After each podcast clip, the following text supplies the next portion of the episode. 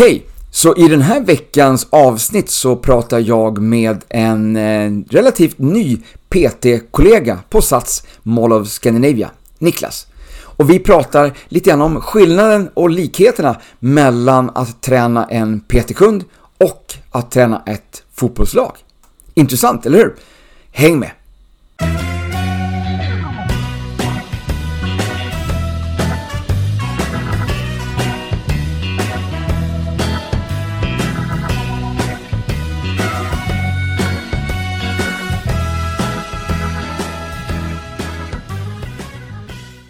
Så eh, välkommen till veckans poddavsnitt. Eh, det är, jag har, sitter med en gäst, ska vi säga Nikas på en gång då eller? Ja Hassan, det kan vi. Nej, seriöst nu. Vi har alltså, veckans gäst heter Niklas. Stämmer. Eh, men det var ju faktiskt så att, att när, du, när du började jobba på Sats Mm. så hade du en liten skylt i, i receptionen, man skulle boka PT-timmar med dig. Stämmer. Och den var fel stad. Yes. Där stod det Nikas. Ja. Hur länge stod det Nikas? En och en halv månad kanske? En och en halv månad. Alright, ja det är bra.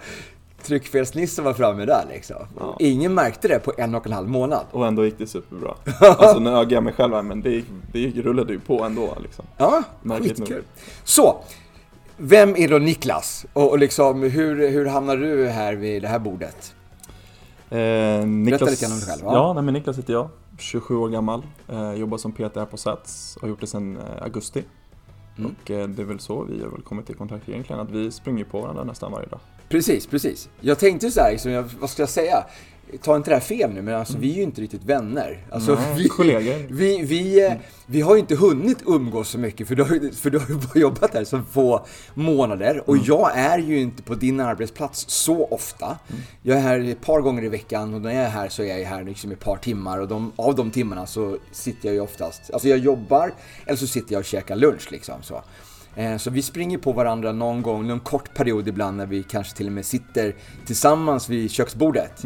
Men ja, då har vi liksom haft, vi har, vi har liksom haft några meningsutbyten liksom så, men det har inte varit speciellt mycket. Mm, så. Ehm, Men, men bara på det, på den korta perioden ändå som du har varit här, så tycker jag liksom att du verkar vara en ganska reko kille alltså. Kul att höra. Kul att höra. Jag gillar dig. så att, eh, så att när, jag har ju varit på det lite grann förut, så att jag, fan jag skulle ha med dig i podden. Och, och vi pratade lite grann förut, så diskuterade vi lite grann, vi snackade lite grann om, så här, om, om träningstillskott, eller vi var inne på proteinpulver lite grann så här, och bara alla sorters proteinpulver.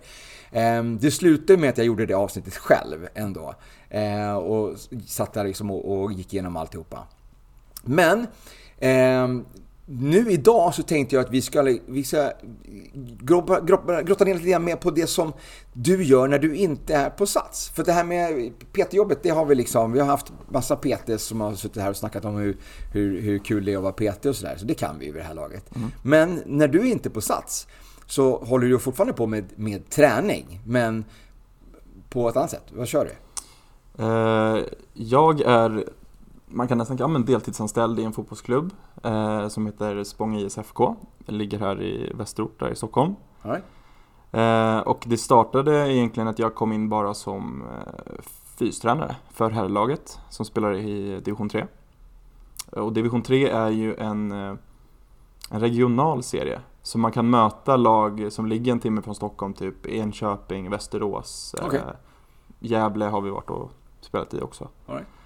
Eh, och sen nu går jag in på mitt tredje år, har precis skrivit på, så det är jättekul. Och det är man tacksam för att man får fortsätta och utveckla då. Och i rollen så är det mitt jobb att utveckla spelares fysik och hålla dem skadefria. Sen har den här rollen liksom gått från lite smal till större, man får ta, vara med och ta med ansvar, beslut. Så medicinskt ansvarig kallas jag ju idag. Okej. Yes. Fysioterapeut eller liksom, nej? Nej men eh, fystränare med Fystränare? Ja. Eh, kan eh, förgrunderna så kan jag ju massera mjukdelar och hårda delar så typ för skadeförebyggande skull. Ja, ja. Sport, Eh, är det sportmassage eller idrottsmassage? yes. Eller vad kallas Eh, det? idrottsmassage, Mm, stämmer. mm. Ehm, och sen ehm, håller jag liksom, ja men fysträningen både liksom, vad ska man säga, nu är det ju säsongen slut, den tog slut för några veckor sedan. Ja, Och, precis. Vi är, här, eh, vi är ju nu i, i mitten av november. Yes, och Ja. den tog slut för tre veckor sedan drygt. Ja. Ehm, så att nej men nu sitter jag i full planering för att bygga upp eh, försäsongsträningen då som den kollektiva träningen. Den kollektiv menas med att man tränas i grupp då. Ja. Och den startar andra veckan i januari. Men eh, vi tränar ju redan nu och det är mycket mer för att eh, fotbollsspelarna ska röra på sig eh, och samtidigt ha mycket liksom, nya spelare på provspel kan man säga. Okej. De kommer in och får liksom köra lite audition? Och... Mm. Ja. Precis, audition kan man säga. All right.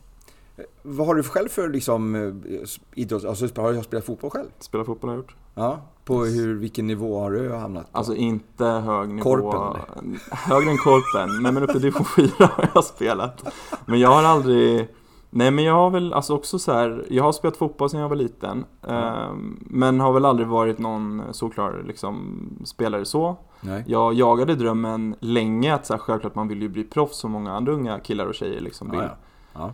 ja. Ehm, Men eh, landade väl aldrig där, liksom så. Och det är så det liksom ser ut och det får man bara acceptera. Det kanske jag inte gjorde runt eh, 22 års ålder, men idag 27 år gammal så kan man ju sitta där och bara absolut, det var, jag Ja. var väl inte menad för det. Nej, nej. Ehm, men jag har alltid fallit tillbaka lite ur att vara liksom ledare ehm, på olika sätt. Så jag har varit ungdomsledare för fotboll.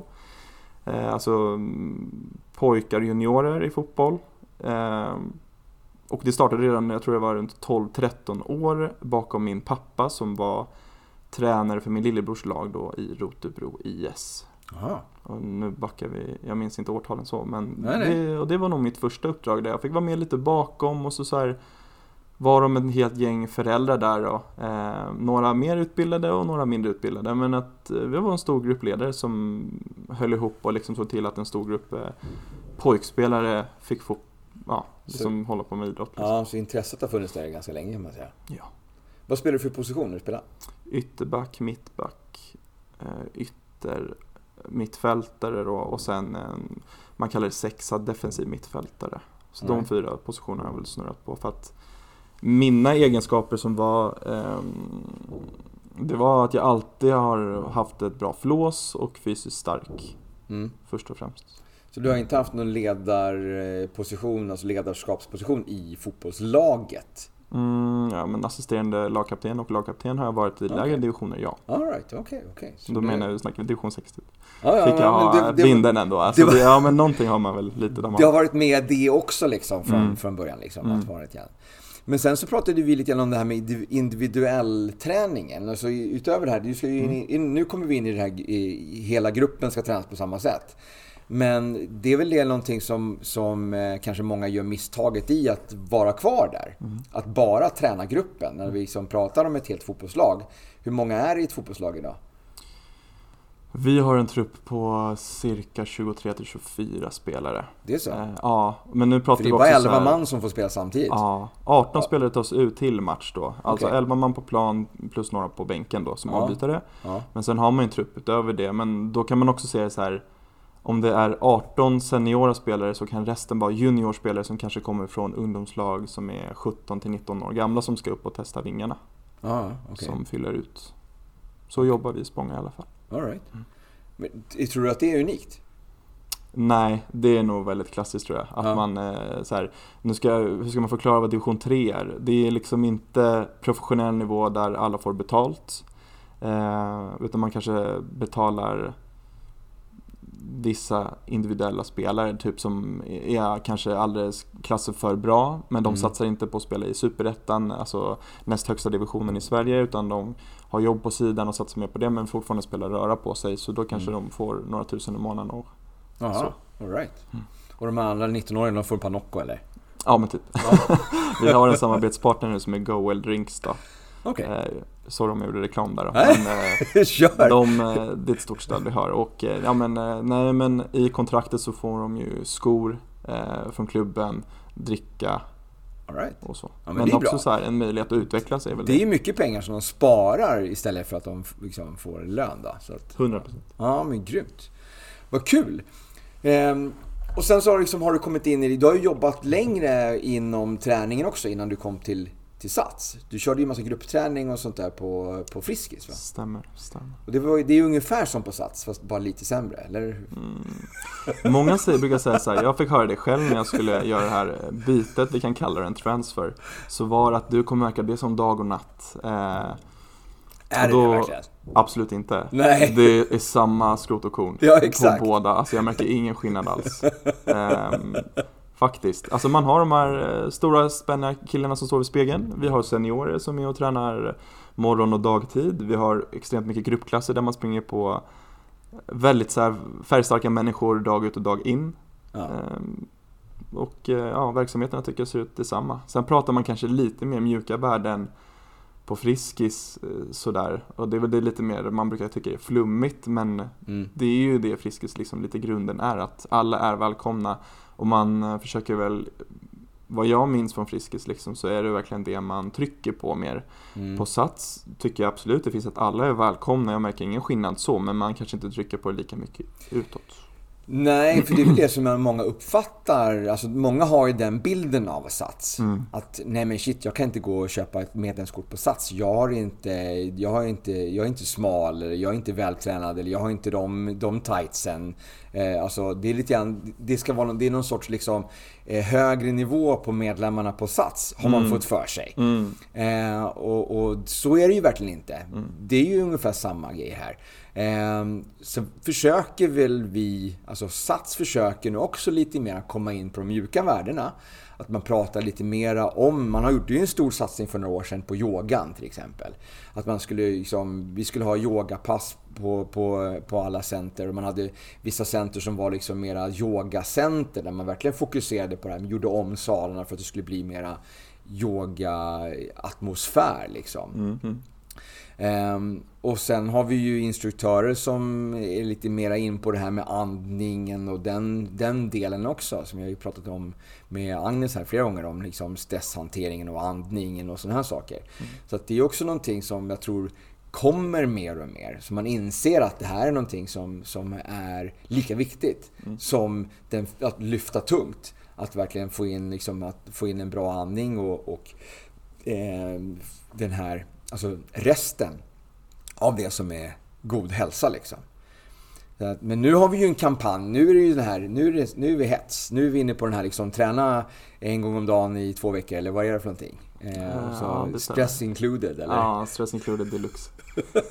Nej, men... men eh, det, jag vill inte att det ska vara så. Vi hade ju för ett par år sedan på Sats så hade vi faktiskt en sån här nyårskampanj där det var liksom så här träna måttligt. Mm. Alltså det var verkligen... Vad innebar det då? Men alltså, det var liksom, ta det lugnt. Eh, alltså, när du är här och tränar så bara kör ditt race liksom. Du behöver inte träna så hårt. Du behöver inte komma tillbaks varje dag. Mm. Bara ta det lugnt liksom. Så. Och det är ju det som jag förespråkar hela tiden här. Liksom. Jag har sett det här varje år. Varje nyår så kommer ju alla de här som har lovat sig själva en hälsosammare livsstil och att de ska träna mer.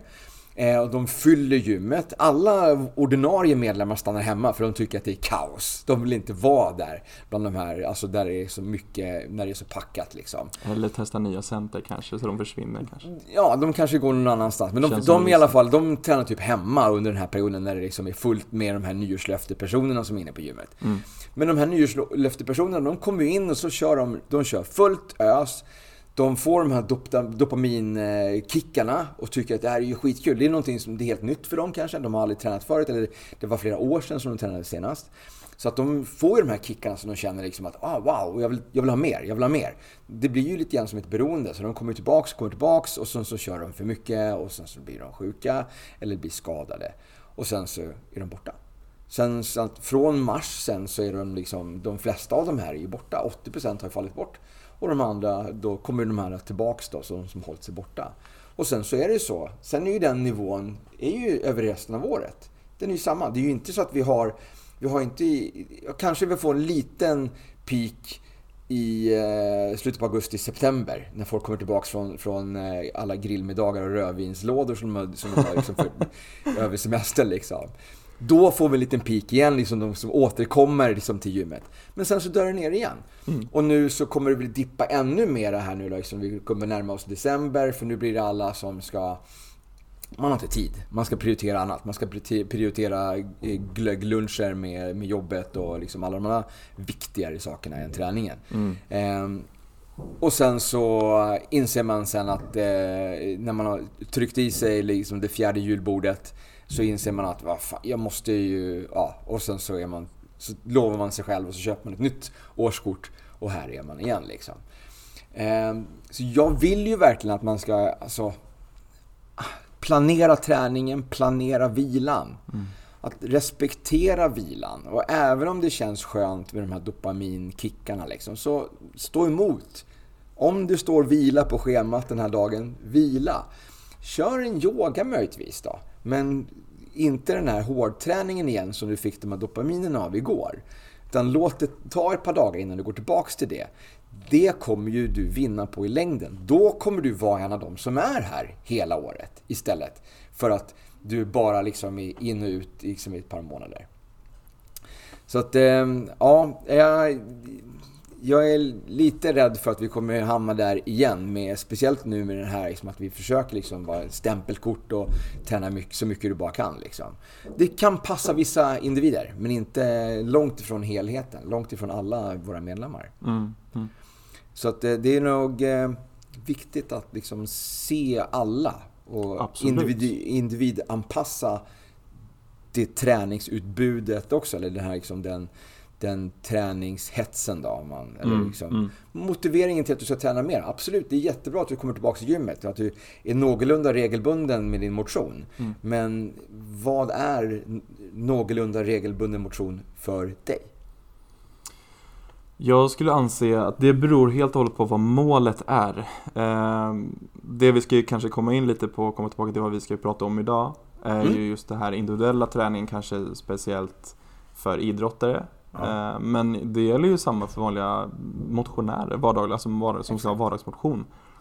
Jag tycker det är jättefint att jag får en mix av både och. Att jag eh, jobbar som PT här och möter superhärliga människor där målet kan bara vara tajta till kroppen lite, jag vill öka min kondition, jag vill bli starkare. Eh, jag vill känna mig funktionell och mer liksom pigg i vardagen. Och allt det där hjälpa till med det. Och sen så får jag en bit av en annan värld där det är ändå resultat och prestationsbaserat hela mm. tiden. Mm. Alltså i fotbollsvärlden som mm. jag nu är, har en fot in i. Eh, och det där försöker jag alltid ta med mig och jag tycker, alltså även från ut, min PT-utbildning jag gick eh, så var lärarna supernoga också med att lyssna och se varje individuell person du har framför dig. Oavsett vad målet är. Mm. Att så här, ja men här kommer eh, Karin 62 och målet är bara att bli funktionell och känna sig piggare. Mm. Idag ser hon superpigg ut, då kan man pressa på lite mer. För då ska man nyttja den energin hon kommer själv och bjuder på. Mm. Men å andra sidan måste man vara lika, ha den här fingertoppkänslan att se, men idag ser hon trött ut och hon hänger inte med och hon lyssnar inte på instruktioner. Då kanske man ska så här, vet du vad, vi släpper den här kettlebellen för en liten stund, vi sätter oss ner på golvet och tar fem djupa andetag hur känns det nu? Och så får man ju se och det är bara att börja läsa ansiktsuttryck. Mm. Det ser man ju liksom. Det är spännande. Spännande del av, eh, av det här jobbet. Mm. Att inte bara vara den här drill sergeant. Mm. Inte bara skrika och liksom lyft tyngre. Utan det ligger lite hjärna bakom det här och lite känslor. Alltså att man måste läsa av. Alltså jag är ju en, man, nu när jag verkligen kommit in i det här och jobbar som PT så det är otroligt hur många, precis där, drill sergeant, det är många som har den bilden av att de ska komma hit, tro att de blir bedömda och eh, inte är tillräckligt bra, så och så. Men det är, alltså, att vara personlig tränare handlar ju om att hjälpa dig nå ett mål. Mm. Eh, du bestämmer målet? Yes. Vi ger dig verktygen och sen är det upp till dig liksom att lyckas. Ja. Så är det ju. Ja, exakt. Du, eh, ja, vi har ju hällt upp lite, lite rött pulver i ett glas med lite vatten här. Ja, just det. Som vanligt. Spökdrycken skulle jag kalla det. jag är ju, jag är ju uh, the drug dealer här på stället. Uh, så att vi, jag tänkte vi skålar lite grann på den här mm. och så tar vi en liten break och sen så snackar vi vidare. Men ska se vad du tycker om den här först. Vad, vad, det här, vi dricker alltså, idag så kör vi Activise igen, Oxy Plus faktiskt idag igen. Så att det blir den här... Det finns ju då en risk att du kan bli lite röd och pirrig och, och, och varm av den här om man... Ska man ta den som en shot nu eller? Kör, shotta den där bara. Kör.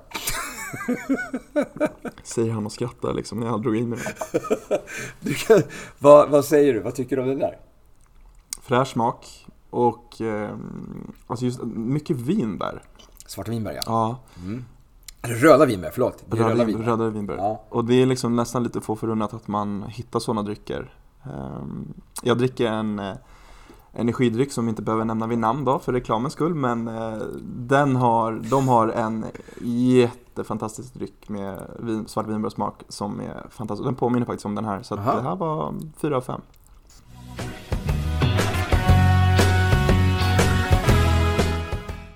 Hej! Jag vill bara lite snabbt göra reklam för mina företagsklasser på Sats. Om du vill träna tillsammans med dina kollegor så kan du boka mig för ett pass som du själv kan få vara med och bestämma upplägget för. Jag instruerar i cirka 17 olika klasser och vi kan vara på vilket gym i Stockholm som helst så länge det konceptet finns där som ni vill ha. Hör av dig till mig så hittar vi en tid som passar och jag förmedlar kontakten till en av våra företagssäljare som hjälper dig vidare. Priset varierar lite grann beroende på om ni redan har något avtal med Sats och hur många gånger som ni vill träna med mig.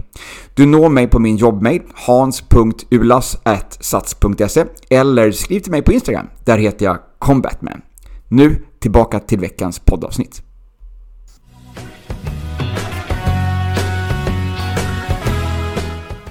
Alright, tillbaks till de här parallellerna som jag ser. Mm. Lite grann mellan hur du idag så jobbar som PT och eh, som fotbollstränare eller liksom som att du är med i, i den världen där. Den här individanpassade träningen, mm. både för dina PT-kunder och för dina, dina fotbollsspelare. Mm. Att istället för att coacha hela fotbollsgänget på ett och samma sätt. Det här är ju olika personer som har kanske olika behov, olika behov på grund av att de är byggda på olika sätt eller att de har olika eh, uppgifter i laget. De har olika placeringar i, i laget. De ska, gör, de ska vara bra på olika saker. Hur tänker du på fotbollsplanen? Hur tänker du där? På, mm. på uppsättningen på backar, forwards och center. Vad är skillnaden? Vi, vi, vi delar upp det lite till, tänker okay. jag. Ja. Eh, om vi börjar så här. Den kollektiva träningen är ju enbart för att bygga en grund. Och det grunden ska väl vara utifrån att så här, om man, om man tänker fotbollsspelare, hockeyspelare, egentligen oavsett sen eh, att det är poweridrotter så ska de ju liksom komma upp snabbt i puls och det ska ske på eh, några sekunder, en aktion och sen ska man ner. Eh, sen är det lite diffust också så att hockey, de hoppar in, de kör 20-30 sekunder på isen, ut igen. Medan fotbollsspelare ska lära sig det här att springa över längre tid. Mm. Upp i puls, ner i puls, upp i puls, ner i puls. De flesta man... som är med de spelar liksom hela 45 minuters halvleken. Ja, precis. Och, kanske, och kanske till och med två stycken sådana. Ja. Så att de, de flesta är liksom, är, vad är det, en kvart emellan eller? Ja, precis. Kvarten. Ja, Stämmer. Så att det, I seriespel då. Ja, ja, så det, det är en, du ska ju hålla igång väldigt länge. Väldigt länge. Ja, okej. Okay. Ja, förlåt. Uh, nej, men det är ingen fara. nej, men att, att börja så här. Uh, speciellt så här, fotbollsspelare, om vi, du var inne på olika positioner där, backar, ja. forward etc så kan man behöva individuell, individualisera träningen för att eh, vi kan prata försvarsspelare först. Mm.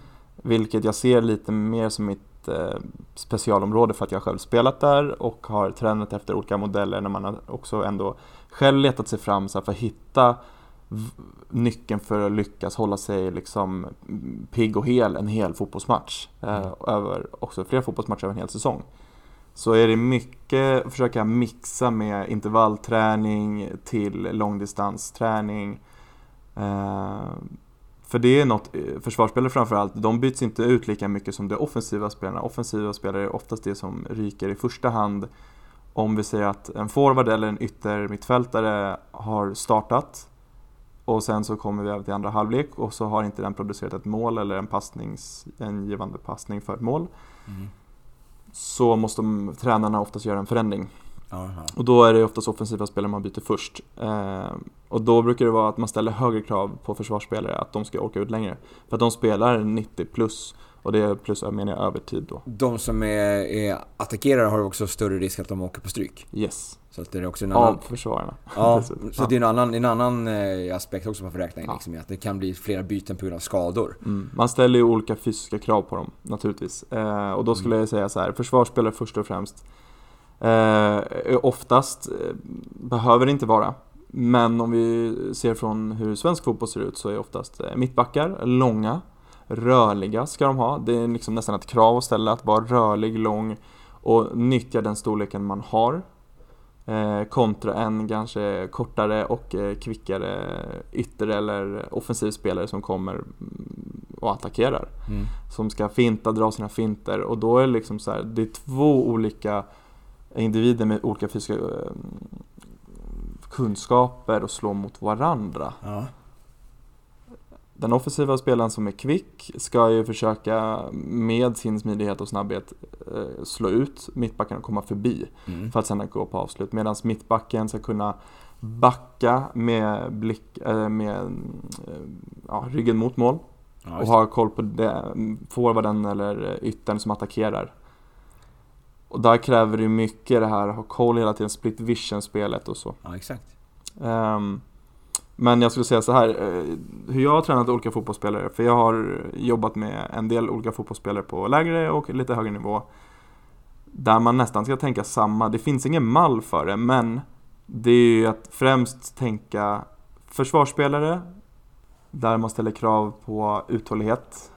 Ehm, för att orka hålla ut ju längre match, medan kanske offensiva spelare ska träna mer power och klara att komma upp och ner i puls Mm mer. Just för att kunna ny aktion, ny aktion, ny aktion, ny aktion. Explosiva. Precis, explosiva sekvenser. Ja, alright. Där det går ju liksom, det ska fort på en millisekund så ska ju liksom kanske bollen komma från en mittfältare som är en styrande motor. Lägga bollen antingen på lången eller om det är en passningskombination fram till den eh, offensiva spelaren som slår ut. Mm. Och det går fort. Det ska helst gå så fort som möjligt också. Ja. För det är oftast där på tajmingen som man slår ut försvar, en försvarsdel eller inte. Men hur, eh, hur lägger du upp liksom den eh, träningen för de här personerna? Mm. Är det, liksom, är det mera styrketräning för, för backarna och mera liksom, eller är det styrketräning med olika med explosivitet och, och mera långsamma styrketräning för backar? Eller liksom hur, hur tänker du? Styrketräning för backar som jag har byggt upp så. Mm. Eh, det har, kan ha varit många repetitioner, eh, explosiva. Och sen jobbar man mer och tränar om uthållighetsträning, liksom, alltså konditionen då, uthållighet. För att de ska orka klara sig igenom mycket och så här, försöka inte bygga att de ska känna, bli tunga. Eh, så det handlar inte om att bygga på och lägga på massa muskler Nej. som ska göra dem tunga utan mer explosiva muskler och uthållighet. Man måste liksom jobba med båda dem. ska köra lite body pump helt enkelt. Ja, kanske. Varför inte? Nej men, eh, ja för att de ska klara av så många moment. Kontra en forward som ska bara trycka sig framåt. Där kan man mer jobba explosivitet och smidighet, snabba fötter. Ja. Eh, det kan vara diffust. Men man får vara kreativ och bygga upp liksom så här. Tänka på de här delarna för den här personen och, eh, eller för en forward och eh, tänka på vissa delar för en eh, försvarare. Mm. Och det kan ju just vara det här som vi har nu snart in oss på då, att eh, träna individuell träning. Mm. För det var som vi backar tillbaka det vi sa, kollektiv träning ska bara ge ett helt lag på 24 spelare en grund Mm. att ändå vara i någon slags form. Sen, och inte tappa den här känslan med fotboll och det. Nej. Men sen så, jag kan tycka det är superviktigt och det märker man idag, fotbollsbranschen, den är så, det har blivit så brett med att eh, jag kan ha en dotter eller son och kan anlita personlig tränare idag som är ju mer individualiserad på bara fotboll. Stå och kasta en boll eh, en timme på någon idrottsplats när det regnar, snöar eller sol. Eh, men ibland så får man inte med den här fysbiten. Nej. Och det kan man börja tidigt med och man kan börja, man behöver inte ha massa vikt utan man kan börja med lättare belastning, jobba med kroppen om det är en tonåring där man fortfarande är under utveckling liksom och växer fysiskt. Mm. Eh, och jobba med delar för att liksom hålla dem skadefria så att, och sen kunna utveckla någon procent till inför kommande säsong där eh, den unge spelaren ska liksom prestera. Hur, alltså, hur ser du det här liksom på, på en, en grupp på 28 personer? Hur kan, Mm. liksom, kan du... Går du in liksom på, på individ mera eller, eller går du på position mer? Alltså om du börjar, börjar med att placera ut dem på position och sen därifrån planerar träningen? Eller liksom är det på, går du på personen bara liksom? Att den här kroppsbyggnaden, den här... Eh, Den kollektiva fysträningen, den hålls ju, den kör alla samma. ja, Eh, och då har det varit, det är mycket löpning och löpning kan ju egentligen alla göra. ja, Sen om vi ska komma till mer till, till gymmet, då är det individuellt från så här, ja man har någon kanske problem med en höft eller en vad som spökar. Så, så då får man ju träna på det, all right. eh, uppe i gymmet liksom. Ja. Och sen den individuella träningen, den anpassas lite grann mera alltså på en, en kombination av position Mm. och, eh, och person. Ja, kombination att förbättra liksom, spelet på din position. Ja, Men även, eh, man får gå in på de här smådelarna då som man inte hinner med i den kollektiva träningen. Att kanske så här stärka upp höftböjare, det kan vara baksida lår. Ehm, för i fotboll så är det så här, fotbollsspelare är väldigt dominanta i sät- sätesmuskeln som är rumpan då, det är en stor muskel och sen har vi quadriceps då, framsida lår. mm. Eh, Men samtidigt är man väldigt kort i höftböjen och man är kort i hamstring då, baksida lår. Och de skulle jag absolut bara rekommendera unga spelare till seniora spelare att jobba extra med. ja. Eh, stärka upp eh, i centriska fasen, att man liksom drar ut en lång rörelse och ihop igen för att stärka upp. Men upplever inte du att just det här med, med kort hamstring, är inte det ganska vanligt även för de kunder som du har på gymmet? Med PT-kunder? Det är ganska vanligt? Stillasittande människor, väldigt många har Ja, korta ja. Stämmer. Ehm, för jag har ju jag har predikat om det här liksom i alla år sedan jag började jobba på Sats. Att det här är liksom att hamstrings och ländrygg. Det är Mm. väl liksom de två vanligaste träningsskadorna. Eh, på grund av att vi är klena där. Ja, Att vi absolut. antingen är korta i musklerna eller att vi liksom inte har styrka där. Mm. Ehm, så att det är ju jätteviktiga muskler att träna upp, att stärka upp. Vad skulle du säga liksom är, om du skulle ge liksom de bästa tips för att stärka hamstrings och ländrygg? Är det rumänska marklyft eller? Det är ett jättebra alternativ. Och det, är ju, det är en övning jag kör, nu låter jag väldigt tråkig här, men det är faktiskt en övning jag kör med väldigt många människor som jobbar med kontor eh, Ja. och seniorer. Eh, seniorer menas då pensionärer liksom. ja. Vad är ett rumänskt marklyft då? Kan vi bara, vi ska dra det. Rumänskt marklyft, oj, ja ett rakt marklyft. Alltså ett marklyft hör man ju på ordet, det är ju en, Så lyfta från marken. något man lyfter från marken, det stämmer. Här Stång eller kettlebell? Stång, kettlebell eller hantel. Ja. Eh, det är upp till en själv vad man känner, vad man är bekvämst med att arbeta med. Men jag skulle säga att man använder, att man Marklyftet börjar från marken som vi sa och sen lyfter man den upp. I ett rakt marklyft så startar man ju uppifrån och jobbar långsamt ner. Och då, Precis, du lyfter upp vikten med böjda knän.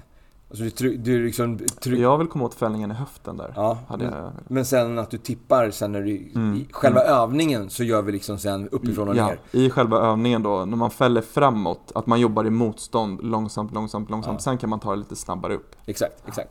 Så det är lite grann också, tillbaks till bodypumpen om vi lämnar det lite snabbt. Mm, kör. Där har vi ju liksom då marklyft. Marklyftet i bodypump är ju uppifrån och ner. Eh, Så det är ju typ som ett rumänskt marklyft. Du har ju, det är ju höft, höftfällningen och lite, lite knäböj i den rörelsen. Och vi ska egentligen aldrig passera knäskål med stången Mm. när, vi gör, när vi gör marklyft i bodypump. Mm. Så att egentligen så skulle man kunna säga att det är ju rumänska marklyft som, som man gör i de Det är en superbra övning eh, där den sätter egentligen bara prov på rörligheten i baksida lår. Eh, m- vissa har ju en jättebra rörlighet där de kan stå nästan med spikraka ben och vissa behöver ju böja lite på Ja. knät. Och då brukar jag säga så här, det viktiga är att hitta och känna kontakten på baksida lår när du börjar dra. Eh, jag brukar alltid fråga klienter eh, om de känner liksom typ lite som, om, om de har eh, manuellt körkort, då känner man till vad dragläget är när man ska på bilen. Och det brukar funka, då brukar folk klicka direkt, ah det är så, det är det de- att man känner någonstans, när man fäller framåt, tippar i höften, Lycka till med någon som är 125 eller? det går bra ändå. Nej men faktiskt. Dragläge där. Ja, Alltså det ja finns- men absolut. Har de kört en, en manuell växlad bil? De, de under 25 jag har träffat än så länge. Faktiskt. Okej, okej. Ja, men så att det rumänskt marklyft, det är som ett rakt marklyft kan man det. Med lätt böjda knän. För att få den optimala kontakten. För att, och med raka ben så är väl risken snarare att du kan få lite grann så kycklingben, alltså eh, knät går bakåt istället. Ja, just det. Att, så att istället för att du verkligen lägger vikten och tyngden på baksida lår. Så att, så att för, att för att undvika olyckor så bör man då ha lättböjda, lättböjda knän. Mm. Eh, men att låsa den, den positionen, den vinkeln i knät och Mm. sen bara jobba höftleden. Du kommer ju, om du är kort nu, så kommer du ju att böja på knäna mer. Eh, och för att, för att motverka det, för att stärka upp det här lite grann, för att liksom stretcha lite grann på den här muskeln. Så kanske du till och med när du kommer ner med din vikt eh, till knäskål pressa knäna lite grann bakåt i dig. Så du kommer tillbaks till den här ursprungspositionen med lätt, lätt böjda, lätt vinkel i, knäled. Eh, och sen så är det egentligen, jag ser, du får komma ner så långt ner som du kan med en stark rygg. Ja, efter bästa Det är, det förmåga. är ryggen lite grann som avgör hur långt- ner du kommer i ett, i ett marklyft. Att tappar du fram axlarna, ja, då behöver du liksom komma tillbaks upp igen och sätta axlarna tillbaks på plats. Mm. Och sen fälla över igen och verkligen fokusera på att inte falla fram med axlar. Utan komma ner så långt ner som du känner den begränsningen. Och där vända. Har jag rätt? Ja, det är absolut. Ja, Jag bra. håller med. Är jag Peter nu eller? Varsågod, välkommen. Vi behöver en till på golvet. Var det inte svårare än så? Fan vad kul. Ja, det, där har vi, där har vi ju eh, fokus på, ham, på hamstrings, baksida lår, i en sån övning. Men du har ju även ländryggen. Ländryggen är ju med där också. Så du har ju, stärker ju upp ländryggen också på ett rumänskt marklyft. Det är därför som jag säger att det är min favoritövning. Mm, men jag håller med, det är en av mina favoritövningar också. Ja. Två gånger i veckan, både ben och rygg kör jag right, så du kör själv alltså? Ja. All right. Och sen varierar jag mellan skivstång och kettlebell då. Ja. Och dina, dina klienter får, får köra här också? Det, det, det brukar bli så? Sen kan jag skala upp och ner och försvåra att man kanske kör med en hand. Eh, kan man göra också. Mm. Eh, det beror ju liksom hur jag upplever ju att ja, men du kan hantera det eller inte. Men eh, Ja. det försöker jag också utmana så här att man skalar upp och gör det lite svårt men också på en nivå där man kan ju skala ner vikten men man kan ju försvåra själva övningen att bara så här, ja men varför köra double hand när man kan gå för single hand? Vad blir det då? då? Vad, vad, vad får du ut av det att köra en, ett marklyft med Mer en hand? kontroll, du måste kräva mer kontroll. Det blir mera core. Ja. Ja. Spontant, tänker jag. Absolut, Nej, men du måste ju kräva mer kontroll av eh, din core, Ja. alltså centrum på kroppen, absolut. Men du får ändå samma resultat om det skulle vara att du ska ju fälla i höften och känna det här draget i baksidan. Ja, men båda benen är fortfarande med. Ja. Även om du bara håller i vikten med en hand. Mm. Utan det är bara det är överkroppen som du får jobba lite extra med för att stabilisera. Precis, Så det blir mera, mera core-aktivitet. Jag har faktiskt aldrig kört det. testa, Jag måste ju göra det. testa. Jag tänker så här nu på, jag vad har vi 32 kilos kettlebell så ska jag köra en Mm. ett rumänskt marklyft med en hand. Spännande! Då har jag lärt mig någonting nytt idag. Eller någonting som jag ska prova i alla fall. Du ser, man kan alltid lära sig någonting. Och de som säger att man inte kan, de kan djup.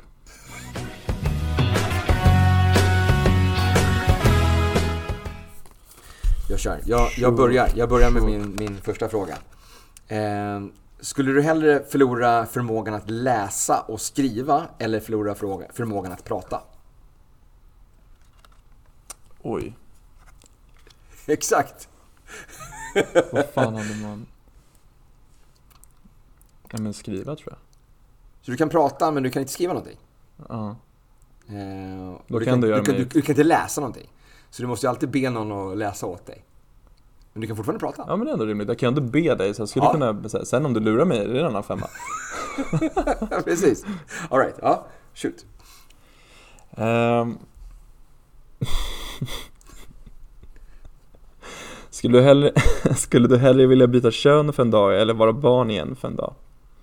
Oj. Men jag skulle nog vilja byta kön för en dag. Det är så? Ja, men, fan. Okej. men alltså ja, för en dag. Mm. Liksom bara för att få liksom, den in, insikten. Mm. Eh, så. Barn har jag varit. Ja, det har vi alla. Men jag har aldrig varit, jag har aldrig varit kvinna. Nej. Så en dag, en Är det dag... något du är nyfiken på eller?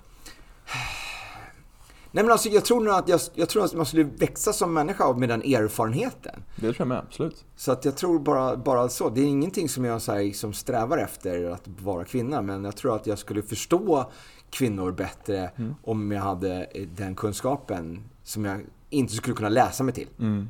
Alltså, utan den måste nog bara upplevas. Det tror jag med. En gravid kvinna. Vi har en, jag har en kollega som heter Emily Ja. som jobbar Alltså, det hon går igenom så starkt när hon kommer hit och ändå är liksom nästan höggravid nu och bara kör på sina Ja. PT-klienter och bara ångar på ändå.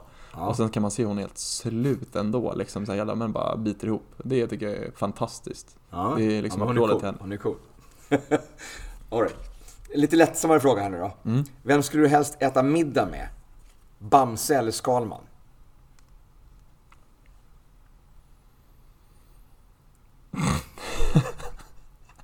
Jag, jag såg, Nej, jag såg jag- jag- dina tankar rulla iväg där lite grann. Bamse tror jag, känns som en livsnjutare och eh, fantastisk mat precis som jag. Inte, inte Skalman en livsnjutare? Han, Han- klockan bara ringer och så sover han. Jo, men det är den här strukturen att, att vara så fyrkantig. Jag hade inte gått ihop med han tror jag. Nej, Så okej. här, för då, då känns det som, vad skulle vi prata om? För då skulle det verkligen bli diskussioner tror jag. Just han, Bamse han, skulle jag skratta med. För de, det var... Nej, nu blandar jag ihop. Nej, han var uppfinnare. Skalman uppfin, han uppfann massa saker. Det är, jag tänkte på här uppfinna Jocke, men han, det är ju från Kalle Ankas värld. Mm, mm, mm. Så, att han, så att han måste ju ha massa sådana kunskaper. Men Bamse gjorde en massa äventyr. Ja, ja, det kanske får lite en, en Jag rolig... upplevde att Skalman var en mer bekväm person då. Då tror jag att jag hade haft roligare med Bamse. Ja, alright. ja, alright. Efter en middag tar en bekant upp gitarren och börjar sjunga och spela. Hen är bra, men det är inte det. Hen uttalar ett centralt ord i refrängen fel. Kan du hålla dig eller måste du bara påpeka misstaget? Alltså jag är ju en äkta besserwisser. Mm, jo. Så att, eh, så att jag, måste ju, jag måste ju påpeka det här felet någonstans, någon, någonstans någon gång. Eh, men kanske inte är så oartigt så jag avbryter mitt i sång. Men jag skulle nog eh, påpeka... Fångan i toakön eller? Ja, jag, ja, exakt. Jag skulle påpeka det senare under kvällen, absolut. 100%.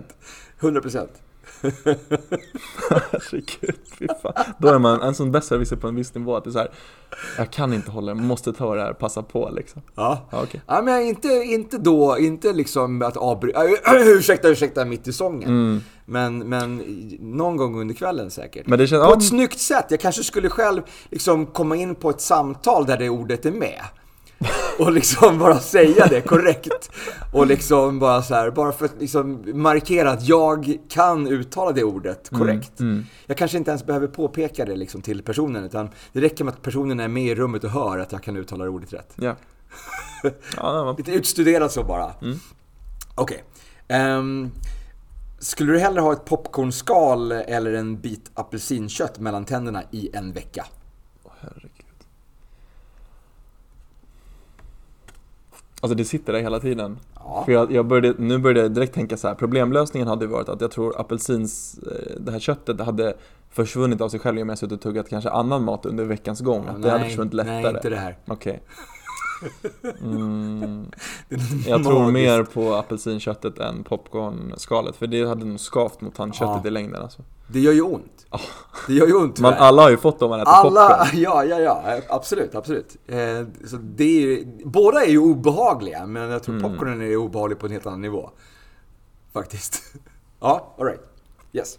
På din svensexa slash möhippa måste du välja på olika former av förnedring. Vad väljer du? Hoppa backhoppning med förbu- förbundna ögon? Eh, eller försöka göra en perfekt omelett medan Leif Mannerström kollar på? Alltså det där att hoppa backhopp låter ju livsfarligt. så att vem skulle göra... Med Alltså, ett par enheter in också. ja men alltså nej. Jag, jag, skiter i vad han tycker. Jag kan göra en omelett. Ja, Jag bryr mig, han får säga vad han vill. Jag skiter i det. jag hade Faktiskt. nog gjort samma, faktiskt. Ja, men alltså hoppa backhoppning med förbundna ögon och sen några enheter på det liksom. Det är ju, det är ju självmord. Det, det skulle vara om jag skulle gifta mig med samma kvinna igen. Känns som det ligger ett agg här. det är en annan historia. Nej, det var, det var ett skämt. Ja, ja. Ehm, skulle du eh, hellre vilja bli påkommen med en stor lögn eller att folk inte trodde på dig när du sa sanningen?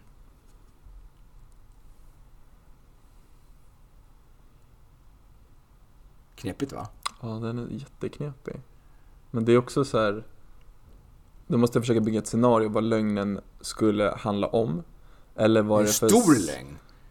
Det är- Vad, vad ska det att- vara? att Att, din- jag har ljugit om um, att din pappa äger en bensinmack. Jaha. jag vet inte. En stor lögn! En stor lögn! Ja. Hela din ja, men du, har, du, du har ljugit hela ditt liv om att du har, du har, du har spelat på elitnivå i, i, Ja. i Saudiarabien. Men, men det går ju att googla upp. Ja, ja. De hade inte internet då.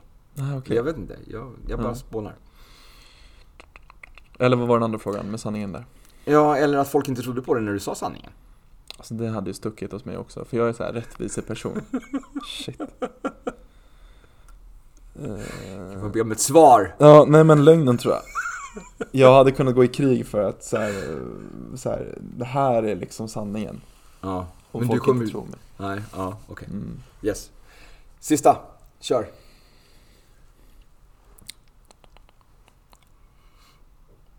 Du blir inbjuden på hemlagad middag av en kompis som du väldigt gärna vill ha hjälp av för att renovera köket.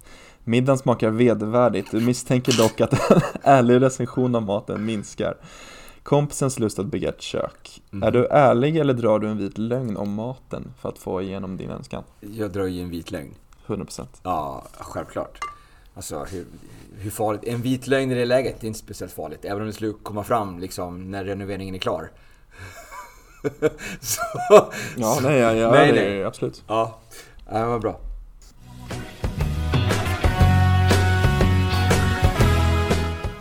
Yes. Tiden går. Vi har suttit här nu och haft alldeles för roligt. Så vi måste, vi måste runda av. Eh, men intressant ämne. Eh, jag, är, jag är jättenyfiken på liksom att prata vidare lite grann om hur vi, eller hur du framförallt då, applicerar den här individuella träningen på PT-kunder.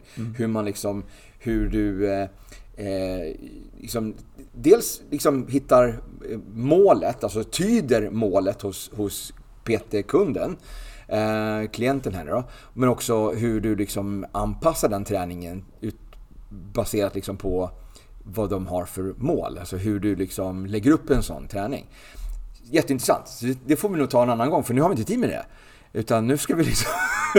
nu ska vi runda av. Nu vill Hassan avrunda så han ska gå och svarva kebab. Exakt! Men, det, är, det är inte en schysst cliffhanger. Jo, absolut. Ja, jag kommer mer gärna tillbaka.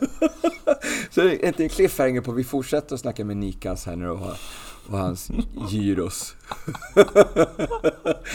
Nej, men Niklas, Niklas. Skitkul att du eh, var med i, i podden idag. Ehm, och jag tycker att vi har, eh, vi har grottat in oss lite grann på det här med fotbollen och individuella träningen och, den, och hela gruppträningen. Jag tycker jag, det var skitbra, det var jätteintressant.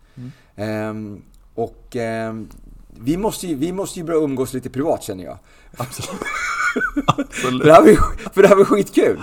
Det här, det här måste vi, måste vi spinna vidare på. Eh, så att, men eh, här och dag, här och nu, tack för idag. Eh, har du några kloka, kloka slutord?